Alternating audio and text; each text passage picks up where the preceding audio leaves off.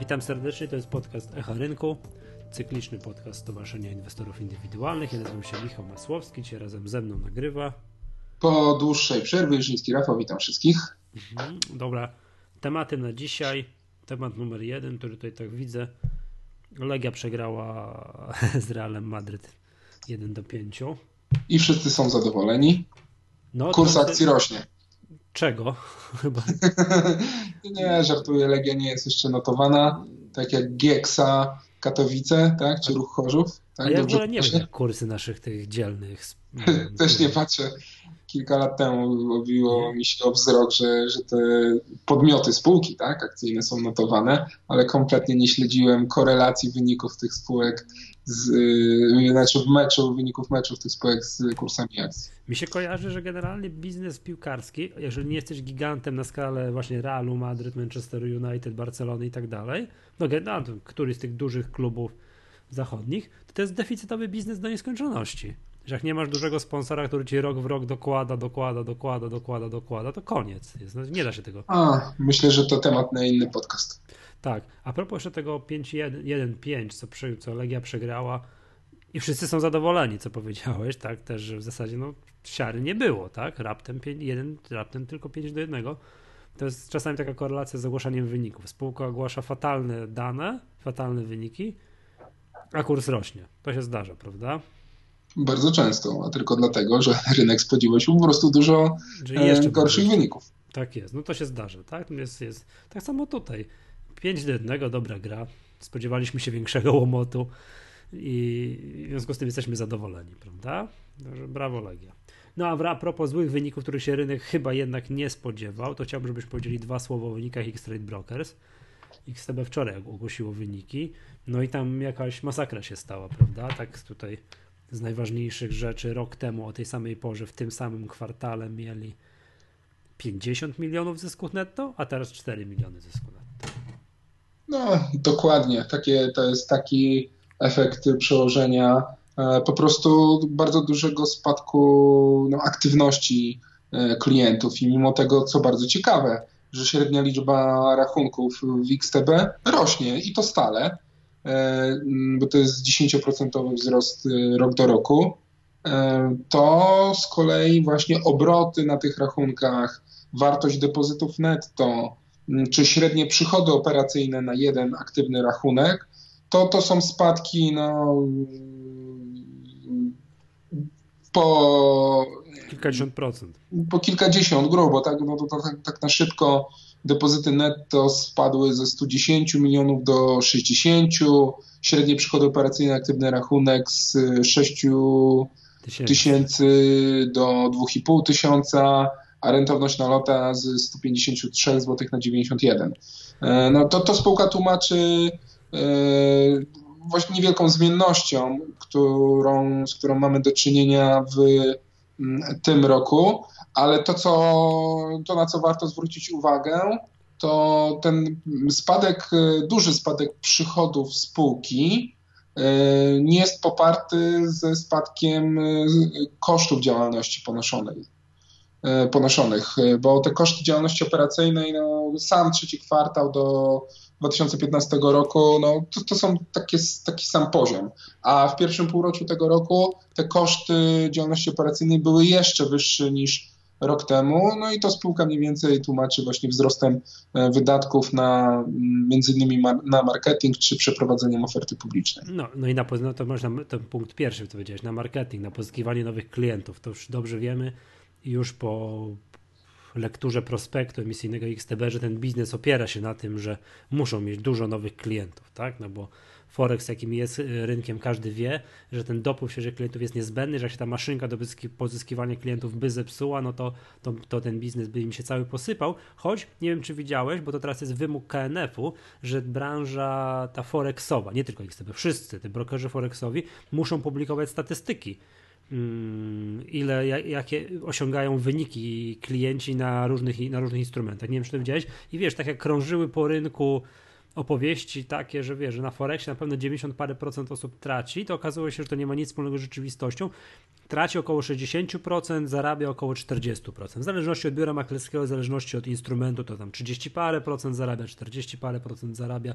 Tak zobaczyłem, byłem zszokowany, no, można powiedzieć pozytywnie pozytywnie tym, że to jednak ten Forex aż taki, aż taki zły nie jest, że ten procent zarabiających jest całkiem, całkiem całkiem, całkiem spory. No, być może tutaj zasługą takich wyników jest edukacja, na którą bardzo silnie w ostatnich, nie wiem, dwóch, trzech latach e, postawiły Wszystkie właśnie firmy. Wszystkie, przynajmniej, przynajmniej, te krajowe, nadzorowane przez KNF, tak. tak, i, i, tak darmowych szkoleń dla, dla osób z ulicy jest, jest mnóstwo i wystarczy tylko chcieć, poświęcić czas, mhm. e, poczytać też książek, które są praktycznie rozdawane klientom za darmo E, aby zdobyć tą wiedzę, no i to widocznie już się przekłada pozytywnie, na czym również oczywiście będą korzystały te biura maklerskie, więc widocznie przemyślana bardzo fajna strategia. Mhm, a propos jeszcze tych wysokich wydatków, o których wspomniałeś w X Trade Brokers, to oni skończy, teraz skończyli i chodzą za mną reklamy, czyli to musi być gotowy produkt, już napisali no, swoją nową platformę transakcyjną, ten X Station i to jest fajne, bo oni nie są zależni od żadnego dostawcy, oprogramowania, nie kupują tego, nie licencjonują, tylko sobie napisali sami i chcą licencjonować innym podmiotom. Więc być może też z tego wynikają wysokie nakłady na to, że oni to napisali. Dywersyfikacja niewielka. No, ale nie, no, nie, jest, to, nie, to, to, to mówi o kosztach, tak, że koszty, wiesz, bo to jednak taka platforma za darmo się nie pisze.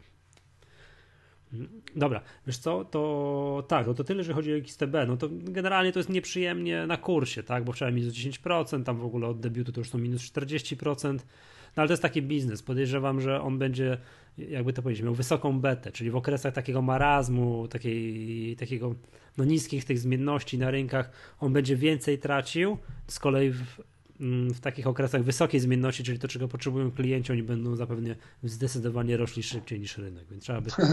No tak mi się wydaje, tak jakbym patrzeć na, tym, na czym polega ten charakter tego biznesu i jak to może, jak to może dalej się dziać, no to tak bym to tutaj próbował sobie tutaj tak, tak, tak prognozować. Dobrze, powiedz, powiedzmy kilka słów o Almie, bo to jest też fajny przypadek ostatnich kilku dni.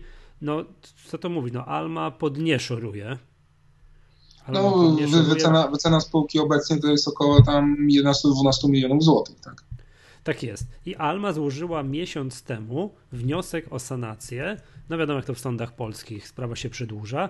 Minęło 30 dni i no chcąc, nie chcąc, tak, bo to podobno sprawa wynika, musie, musiała złożyć także wniosek no, o upadłość układową. Bo to układową. Nie, likwidacyjną. likwidacyjną. Nie likwidacyjną. O likwidacyjną? Tak. Likwidacyjną, czyli gorzej. No dobra. I ja, powiedz mi, co to, co to się z tą Almą będzie działo i na co tutaj, na co powinni zwrócić uwagę inwestorzy, którzy tak jak ty lubią spekulacyjnie pograć odbić Almie. E, tak, no, na moment nagrywania podcastu nie posiadam akcji Almy, więc mogę się spokojnie wypowiedzieć. E, z Almą sytuacja jest o tyle ciekawa, E, że no, tak jak już wspomniałem, ta kapitalizacja jest e, bardzo niska, szczególnie na tle nie wiem, kapitałów własnych, czy chociażby e, wartości pakietów akcji w innych spółkach, tak? Bo przypomnijmy, że no, Alma ma dużo innego majątku, który znacznie przewyższa dług netto tej spółki E, tutaj taki kapitał obrotowy, czyli zapasy plus należności versus zobowiązania handlowe, no, no również są na korzyść spółki. Mm, e, I tutaj, jak dla mnie, no to rzeczoznawca sądowy czy sam sąd e, jak najbardziej ma podstawy do tego, aby ogłosić, jednak ustanowić tą sanację i dać spółkę możliwość to na zrestrukturyzowanie się.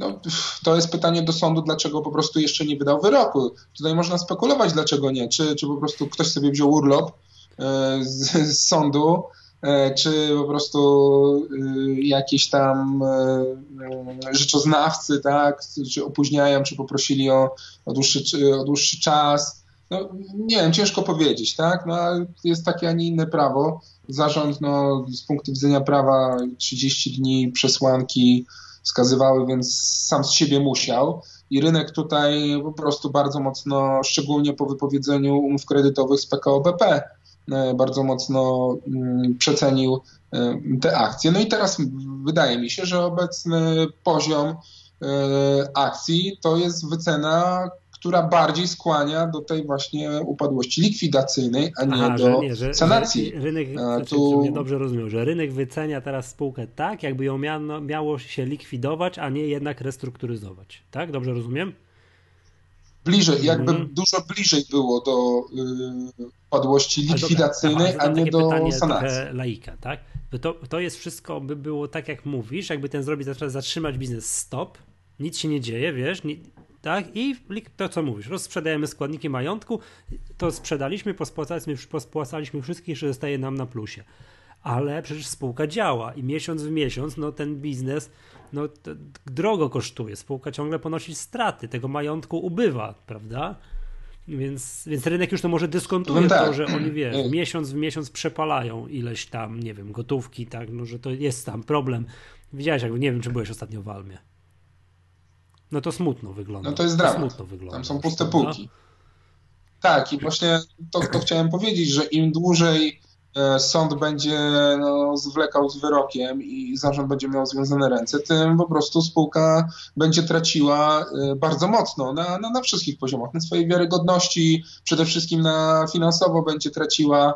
E, będzie jej się znacznie ciężej ewentualnie później podnieść więc e, to wszystko muszą wyceniać e, inwestorzy. Dlatego tak e, interesująco się teraz zrobiło na wycenie no, Jednego dnia minus 10, drugiego dnia plus 6 wniosek o, o, tą upadłość likwidacyjną. No to spodziewałem się następnego, to było w piątek. Spodziewałem się, że w poniedziałek będzie jakaś straszliwa bomba w dół. Nic takiego nie miało miejsca, był chyba nawet delikatny plus. Także z Almą to naprawdę jest jest, jest tutaj no bardzo, bardzo ciekawy przy, przypadek.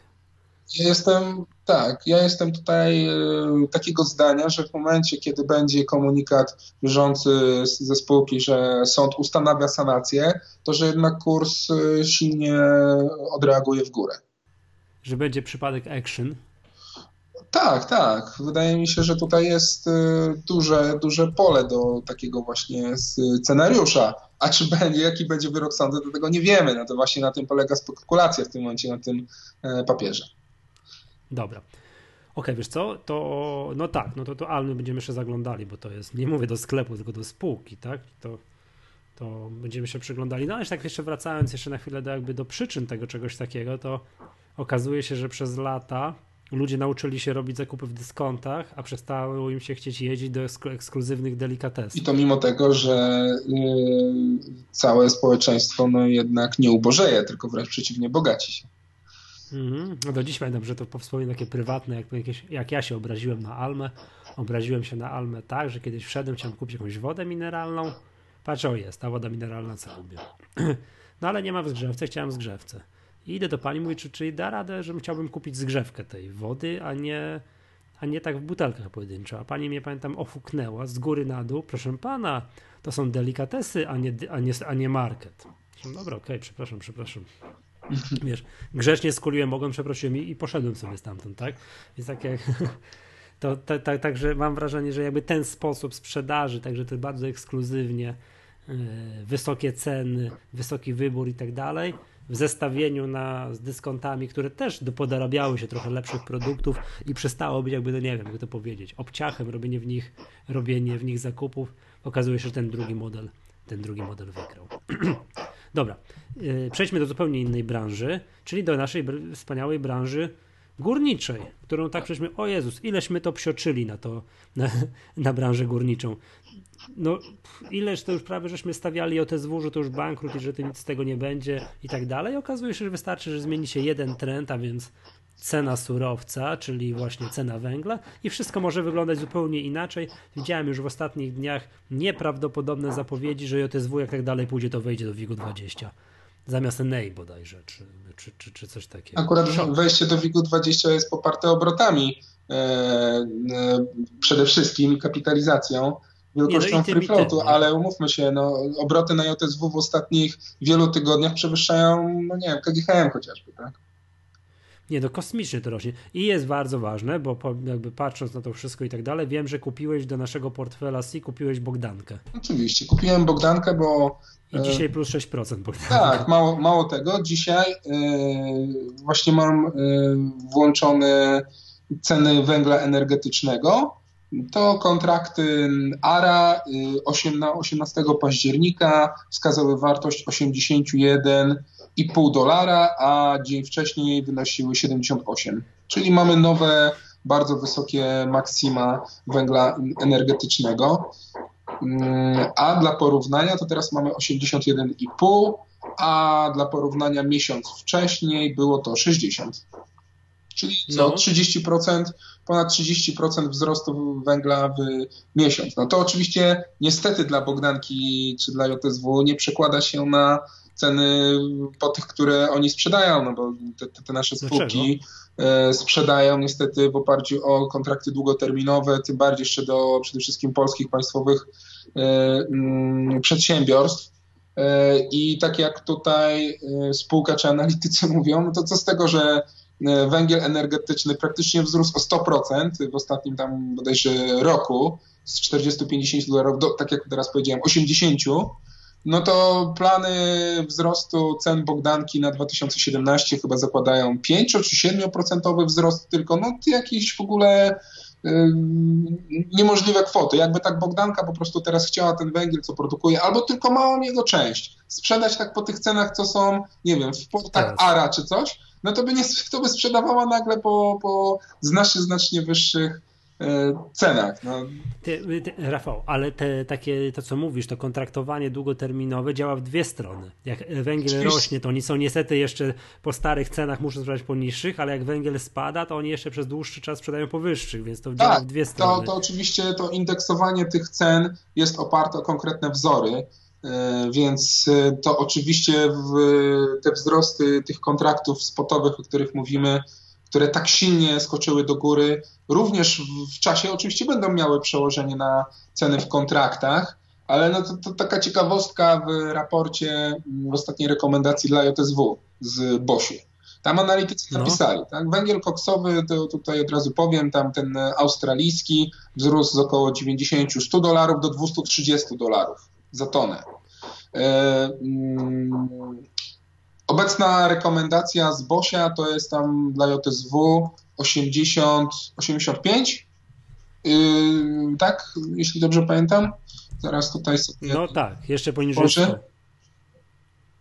Mm, tak, Dzisiaj... około, około tam właśnie tych 85, tak? Bo Bogdanka 75,9 yy, dostała rekomendację od Bosia, JSW wyżej, ale tam analitycy napisali, że jeśli no, oni zakładają, że tą wycenę robią przy założeniu, że cena, po jakiej JSW będzie sprzedawała, będzie wynosiła około tam 125 dolarów za tonę, a nie 220.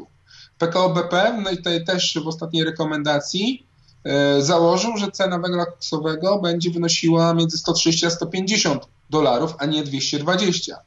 I to, co chciałem powiedzieć, to to, że analitycy Bosia napisali, że jeśli cena węgla koksowego utrzymałaby się albo byłaby na takim właśnie poziomie jak teraz, czyli powyżej 200 dolarów, to z lekkością oni daliby wycenę dla JSW powyżej 200 zł.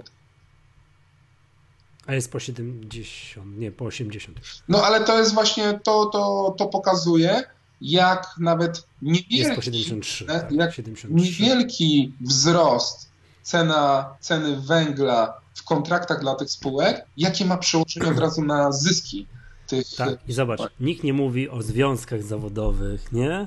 Nikt nie mówi o jakichś tam cięciach, nie wiem, deputatów węglowych, nikt nie mówi o trzynastkach, czternastkach, bo to wszystko są strasznie małe rzeczy w porównaniu z tym, co jest, jak cena węgla rośnie, o, jak cena surowca, którym oni handlują, rośnie tak, tak nieprawdopodobnie. No to jest, to jest od... niesamowite. Tych cen węgla to jest po prostu, to jest coś nie do utrzymania, to każdy powtarza, ale wystarczy, że E, no, jedna trzecia z tych wzrostów zostanie w długim terminie zachowania, to te spółki węglowe gigantycznie e, poprawią swoje wyniki.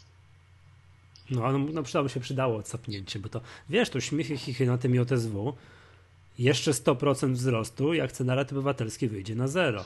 Dokładnie. To to już naprawdę nie, nie, to nie jest, śmieszne. Tak, to nie jest już jakoś tak przerażające. Nie, to nie jest przerażające. Wiesz, tam jeszcze jak pamiętasz, jak było po 20 parę złotych, bo przypominam, że my zarobiliśmy na JTSW 100%, no tak, tak? Tam z 12 na 24.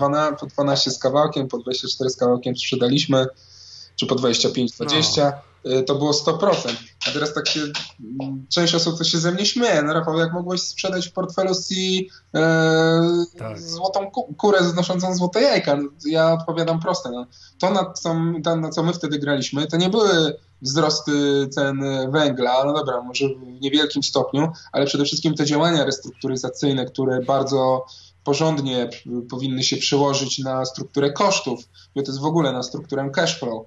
E, a to, że te ostatnie wzrosty, które są właśnie potwierdzeniem tych gigantycznie wystrzelonych w kosmos cen węgla koksowego, to było kompletnie nie do przewidzenia. Węgiel koksowy mhm. stał się no, takim e, surowcem numer jeden, zdecydowanym surowcem numer jeden pod względem właśnie wystrzału w górę. Tego nie dało się.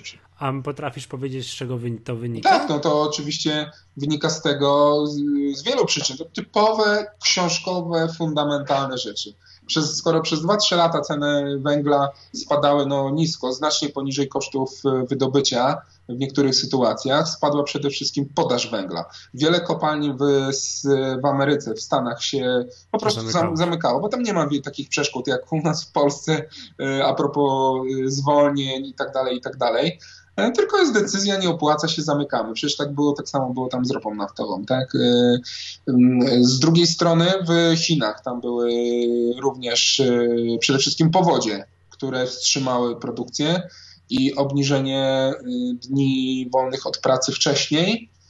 To oczywiście spowodowało to, że podaż, wydobycie i podaż generalnie węgla bardzo mocno zmalała a z kolei te nagłe powodzie spowodowały to, że no, huty e, w Chinach i również silnie rosnący popyt na węgiel koksujący w Indiach, co ciekawe, e, no te huty stanęły przed takim obliczem, że nagle zabraknie surowca na rynku, które mogą kupić, a one nie mogą sobie pozwolić, bo no nie można wygadzić, tak? E, hut. E, to bardzo dużo kosztuje, a później wznowienie, to koszty, straty, no tego się nie opłaca.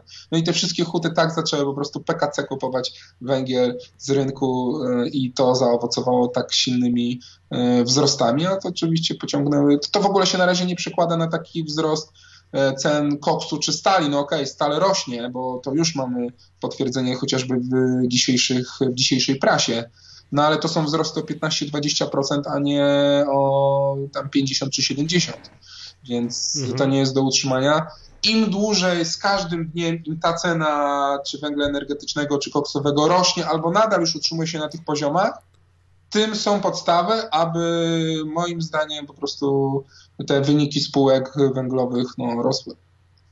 Dobra, a czy taka wysoka cena węgla nie przełoży się za sekundkę na droższy prąd? No, na, musi. Cena surowca dla spółek energetycznych? Będzie musiało się przełożyć. No proszę się tutaj w, wczuć w rolę prezesa zarządzającego e, elektrownią, gdzie nagle ceny węgla, no dobra, no nie rosną o 50 czy 60%, bo kontrakty tak nie zakładają, ale niech wzrosną o 10%, gdzie marżowość tego segmentu E, produkcyjnego, tak, wytwarzania, no nie jest już e, jakaś tam oszałamiająca. Tam nie ma za bardzo miejsc na to, żeby wzrost cen surowca przełożyć, nie przekładać na cenę energii elektrycznej. Więc obawiam się, że z poślizgiem, no nie wiem, dwóch, trzech, czterech kwartałów, ale doznamy po prostu podwyżek cen energii, bo tego energetyka no, nie uniesie. No, dźwiga na razie górnictwo, dźwiga e, ekstra podatki E, z podwyższaniem wartości nominalnej akcji, no to nie uniesie już kolejnych rzeczy, no i niestety za to zapłacą, zapłaci społeczeństwo. A propos spółek energetycznych, to nie wiem, czy widziałeś, co minister Tchórzewski dzisiaj powiedział. Nie, jeszcze nie. Zysk spółek energetycznych stoi dopiero w, drugim, w drugiej kolejności. Koniec spekulantów, bezpieczeństwo przede wszystkim.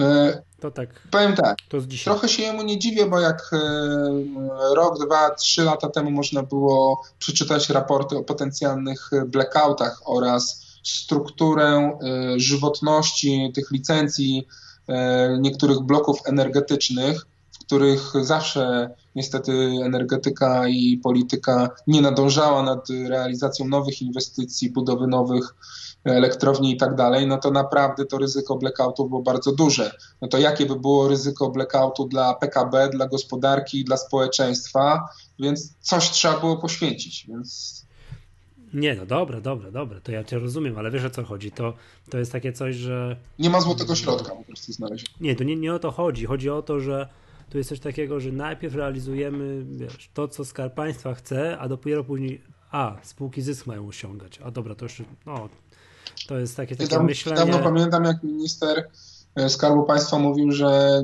bycie akcjonariuszem w spółkach Skarbu Państwa mniejszościowym to jest przywilej wręcz. Tak? Tak. A, to chyba poprzedni minister. Tak, poprzedni, za poprzedni oczywiście. Tak, no teraz już jest, że spekulanci są, nie są potrzebni. To też, to któryś minister już też, chyba też Tchórzewski powiedział, że on nie, nie potrzebuje spekulantów w spółkach energetycznych, są tylko długoterminowi potrzebni. A propos jeszcze energetyki i ministra Tchórzewskiego, to dzisiaj łaskawie powiedział, że do końca roku nie ma potrzeby podnoszenia wartości nominalnej akcji spółek energetycznych. Uf, to tylko trzy miesiące łaskawca, no to wiesz, cały sektor energetyczny dzisiaj plus 2, plus 3% to rośnie, no aczkolwiek już jest zapisane, niestety w budżecie przyszłorocznym jest zapisane 1,4 albo 1, albo 1,5 miliarda złotych wpływów z podatku wynikającego z podnoszenia wartości nominalnej akcji, czyli przesuwania kapitału z zapasowego na No to na szczerze powiem, że nie straszna mi jest aż taka kwota, no bo to oznacza, że no. Ile? O 7,5 miliarda 7,5 miliarda podniosą. No to jak rozłożymy na wszystkie spółki Skarbu Państwa albo na te najbogatsze? Na energetykę. To jest Tylko na energetykę?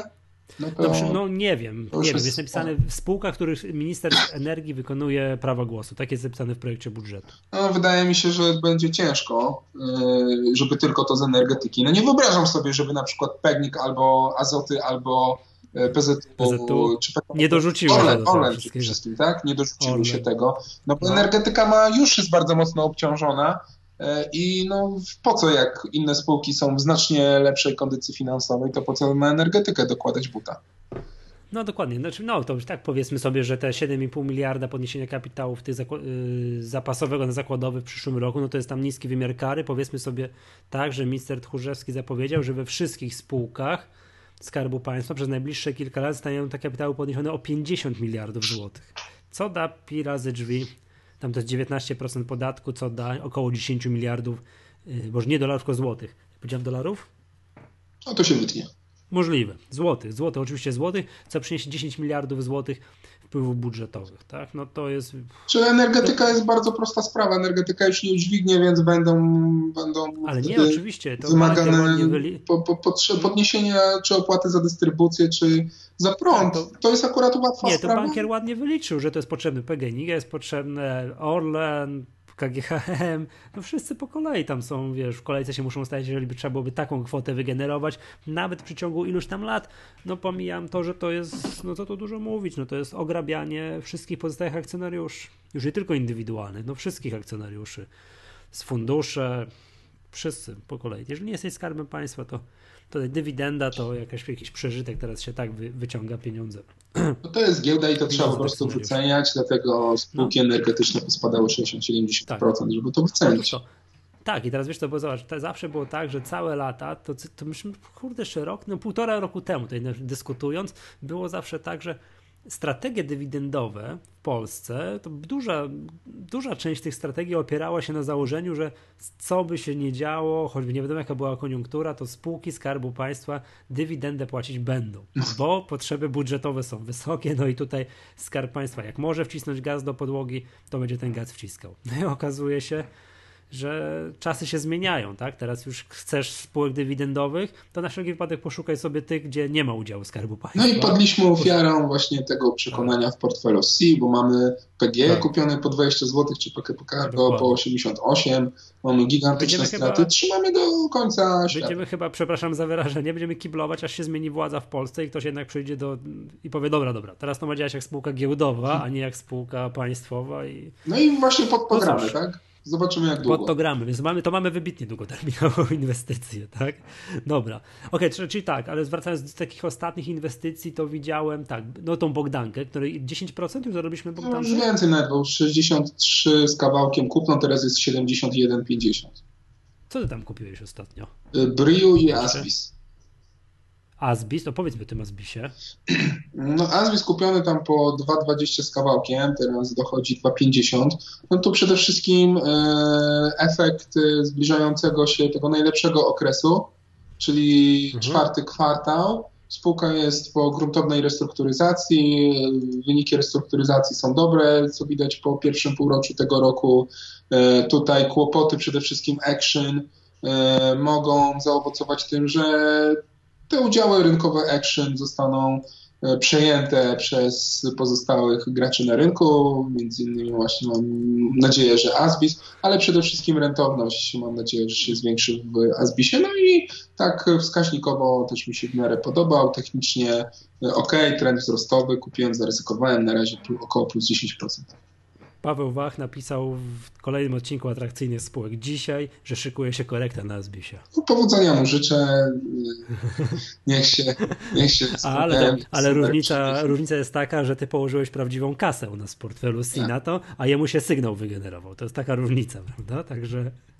To ten, coś jeszcze? Czekaj, Asbis to, to już tak. powiedzieliśmy. I mieliśmy jeszcze też również Mex fajną Polska. inwestycją Mex Polska. Tak, Mex Polska kupiony po 6,30, teraz jest po 7, czyli również tam około ponad 10, około 10% wzrostu. Tu przede wszystkim efekt no, yy, fajnych prognoz zarządu, fajnie rozwijającego się konceptu yy, pijalnia wódka, wódki i piwa, rosnące wyniki finansowe, trend wzrostowy. Yy, ja już kilkukrotnie poddawałem pod głosowanie Max Polska, pierwszy raz jakby po 4 złote E, dwukrotnie tutaj niestety internauci nie wybrali tej spółki, nie zarobiliśmy. E, tym razem na szczęście została ta spółka wybrana po wyższych poziomach, no ale mimo tego, jak widać, udaje się zarobić. E, no i Brio, Brio, które kupiliśmy, mm, na razie na zero jesteśmy na tej inwestycji. No to jest bardzo ciekawy case z tym Brio. To jest taki, taka spółka w segmencie handlu złotem czy srebrem ale również mocno chodzi w handel wyrobami, czyli taki apart w krok drugi, tak? Mm, z tym, że no, jak się spojrzy na wyniki finansowe rosnące, przychody, zyski, wskaźniki rynkowe, to, no to i, i zestawi się to z obecną wyceną, no to można przeżyć delikatny szok i tak spojrzeć, co, dlaczego, tak? Yy, jest tak, a nie inaczej. No, to jest według mnie efekt Pulsu Biznesu, który napisał tam rok, półtora temu artykuł, że tutaj no, jest podejrzenie, że to Briu no, nie do końca tak y, prowadzi czyste interesy, że tam może być, tutaj Puls Biznesu właśnie spekulował, że nie do końca tam można czy wierzyć, czy patrzeć na te wyniki, że tam jest ryzyko właśnie z potencjalnym VAT-em, że to są w tych branżach takie waty problemy z tymi watami występowało. Tutaj zarząd spółki z kolei mówił, że nie, no wszystko u nas jest w porządku. Tu Puls Biznesu mówił, że no takim głównym e, kontrahentem spółki jest jedna spółka niemiecka. No i tak tutaj było kilka takich argumentów. Warto przeczytać e, ten artykuł z Pulsu Biznesu później, zobaczyć na sprawozdania finansowe czy na komentarz zarządu w odniesieniu do tego artykułu no ja tutaj postanowiłem zaryzykować. E, audytorzy badający sprawozdania finansowe tej spółki na razie nie wykazali żadnych e, niedogodności. Czekaj, Rafał, to była twoja inwestycja czy tak, głosowanie? Tu, tu, tu, tu moja, tu, tu ja ponoszę ryzyko. E, mam tutaj pewien bufor duży bezpieczeństwa z poprzednich wielu zysków w tym moim segmencie własnym. Postanowiłem tutaj zaryzykować. Dość mocno. No dobra już kończąc, tak zbliżając się do końca, to patrzę, jeszcze wracając do tego sektora energetycznego, do dzisiaj jak rozmawiamy, dzisiaj jest, co dzisiaj jest, środa? Tak. Środa 19. Mm, Enea plus 5, Energa plus 4, mm, Tauron plus prawie 4, PG plus 1,5. No fajnie, cieszę się. CCC plus 3,5. Jest po 194. Czyli atakuje Maxy. No to tak, nie, to jest Max. To jest chyba Max. Znaczy bez chyba. To jest maks historyczny i to taki tak zdrowo, nie? Tak, nie, nie, ja w ogóle, w ogóle ostatnie e, dwa lata do trzech to uważam, że naprawdę jest fajny rynek teraz na giełdzie. Cicho w mediach. E, spółki małe, wybiórcze, te, które fajnie się rozwijają, mają podstawy do wzrostu kursu akcji, naprawdę bardzo silnie rosną. Fundusze są te inwestycyjne bardzo aktywne. E, no, OFE już tam sobie podarujemy temat. Ale naprawdę nie, wielu inwestorów... Odciąć WIG, tak, wielu inwestorów Patrz, odciąć WIG 20, od, odciąć te spółki skarbu, zmasakrowane spółki Skarbu Państwa, które, które się cuda dzieją, to nagle można odkryć, że mieliśmy na małych i średnich spółkach przez ostatnie pół roku całkiem przyzwoitą hossę. No na wielu małych spółkach można było zarobić setki procent, grube setki procent. Dokładnie. No, tak. Ja lubię taki rynek. To jest właśnie rynek dla, dla osób, które no, wiedzą, jak wyceniać spółki, umieją zlokalizować tą ukrytą wartość, potencjał rozwoju i to faktycznie później się przekłada na cenę akcji, bo ja pamiętam takie czasy z przeszłości, że to się nie przekładało i kupowało się spółkę, którą się tam gdzieś znalazło z dużym potencjałem, z dużym niedowartościowaniem i się czekało, czekało rok, półtora na to, żeby ta spółka w końcu wyszła. A tu jednak widać, że no, ten rynek jest teraz taki bardziej efektywny. No dobra, dobra, dobra. Nie trzeba obserwować, bo to jest to faktycznie fajne, bo to faktycznie można parę parę, parę, parę fajnych kwiatków po, poznajdować. Ja się łapię na tym, że zaglądam na jakieś spółki, których dawno nie zaglądałem, patrzę, o to jest na historycznych szczytach, o tam to jest na historycznych szczytach, tak? I tu tak sporo potrafię wymienić. Nie wiadomo, że z drugiej strony są, jest cała masa spółek tych skarbu państwa, które są na historycznych minimach, jest X-Trade Brokers i tam jeszcze parę innych kwiatków, ale jest mnóstwo rzeczy, które naprawdę bardzo ładnie podziałało sobie ostatnimi czasy. No i fajnie, bardzo to lubimy. To lubimy. Dobra, bo to jest czego szukać, coś się dzieje i tak dalej. Tak, dobra. Przestajemy narzekać, bo to przestajemy narzekać, bo to faktycznie można, można poznajdować fajne spółki. Dobra, to co? To do usłyszenia następnym razem. Do następnego razu. Dzisiaj, tak, tak jest. To był podcast Echa Rynku. Ja nazywam się Michał Masłowski, dzisiaj razem ze mną nagrywam. Rafał Iżyński, do usłyszenia.